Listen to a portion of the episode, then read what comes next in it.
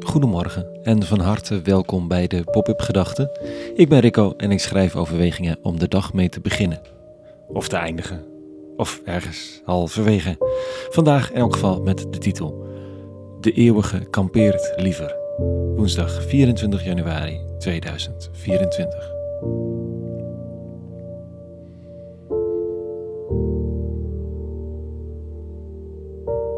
Het schijnt een beetje een Hollandse gewoonte te zijn. Behoorlijk Hollands, zo met een tentje ergens heen. Kookstelletje mee, niets dan tentdoek tussen jou en de buitenlucht. En dan drie weken op een camping hangen. En zo'n Graceland Festival bijvoorbeeld. Je wil heel graag dat het diverser wordt, dat meerdere culturele achtergronden zich thuis voelen. Maar als je kamperen echt een absurd idee vindt, cultureel een vreemde gewoonte, ja, dan blijft zo'n festival toch een beetje wit. Niet alleen het voor onze, maar meerdaagse festivals überhaupt. Nou blijkt het vandaag niet alleen Hollands, maar is ook de God van Abraham, Isaac en Jacob graag kampeerder. In die zin dat hij hele concrete instructies geeft over verblijf in een tent voor hemzelf, tussen een volk dat door de woestijn reist. Nomadisch.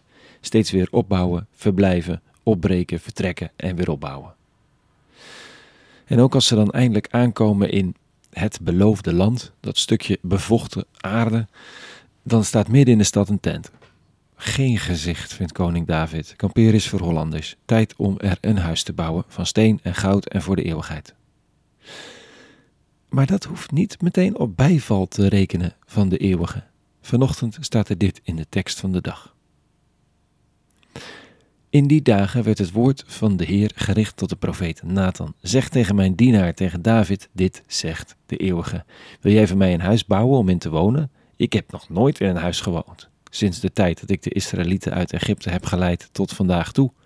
Steeds ben ik meegetrokken in een tent waar ik in verbleef. Zolang ik met de Israëlieten meetrok, heb ik nooit aan iemand gevraagd: waarom bouw je mij niet een huis van cederhout? Het is een beetje een wie ben jij, vriend? Hoezo? Er klinkt een soort belediging in door, alsof de ouder van een kind alvast een rolstoel krijgt voor het geval dat. De eeuwige is wel thuis in een tent, in dat nomadische, afbreekbare, opbouwbare, niet vastgeklonken aan de grond, beweegbaar, op heel de aarde op te bouwen en als het niet de goede plek of tijd is, om dan weer te vertrekken. Vandaag zien we om ons heen hoe er gevochten kan worden om eigen grond. Om veiligheid, liefst met een ruime barrière eromheen. De Russen doen het in Oekraïne. En natuurlijk verdedigt Oekraïne zich met hand en tand. Hamas valt het eigendomsrecht van Israël aan. De Palestijnen roepen om hun eigendomsrecht te respecteren en een eigen staat. En Israël wil veiligheid op de plek waar ze wonen, liefst met een ruime barrière. En de hoeveelheid mensenlevens die dat kost is werkelijk ten hemel schrijend. Na het huis dat wordt gebouwd volgt een hek. Op het hek volgt een muur. Op de muur een toren en een machinegeweer als ook die muur wordt bedreigd.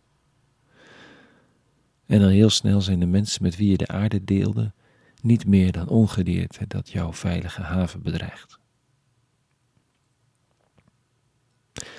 De eeuwige hecht wel aan zijn tent, een beweegbare plek waarvanuit hij mensen het goede brengt, zegen en voorspoed en thuis in de wereld. Zelf is de wereld zijn thuis.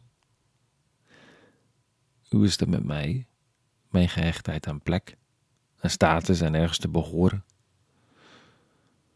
Als het idee is dat de mens naar Gods beeld is gemaakt, dan hebben we met dat Hollandse kamperen misschien toch een leuke reflectie te pakken. De eeuwige houdt wel van kamperen. En de vraag is misschien of ik het nog kan. Kamperen, licht reizen, weten dat een andere plek, een andere vorm, een andere omgeving niet per se een bedreiging is, maar ook thuis kan zijn, omdat je jezelf meeneemt. Een dominee in Bosnië die een bevriende vluchteling de grens oversmokkelde, kreeg drie maanden cel. Opgeruimd zei hij: Dit is blijkbaar nu even mijn plek om te dienen. Dat was mogelijk deels om het, vlucht, om het schuldgevoel van deze vriend te ontlasten, maar het was ook de kampeerdersmentaliteit. Daar stond even zijn tent voor die periode.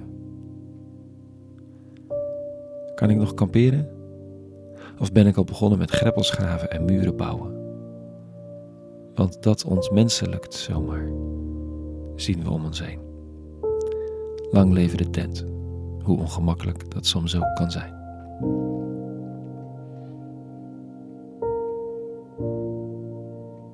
Tot zover vandaag. Een hele goede woensdag gewenst en vrede. Vrede.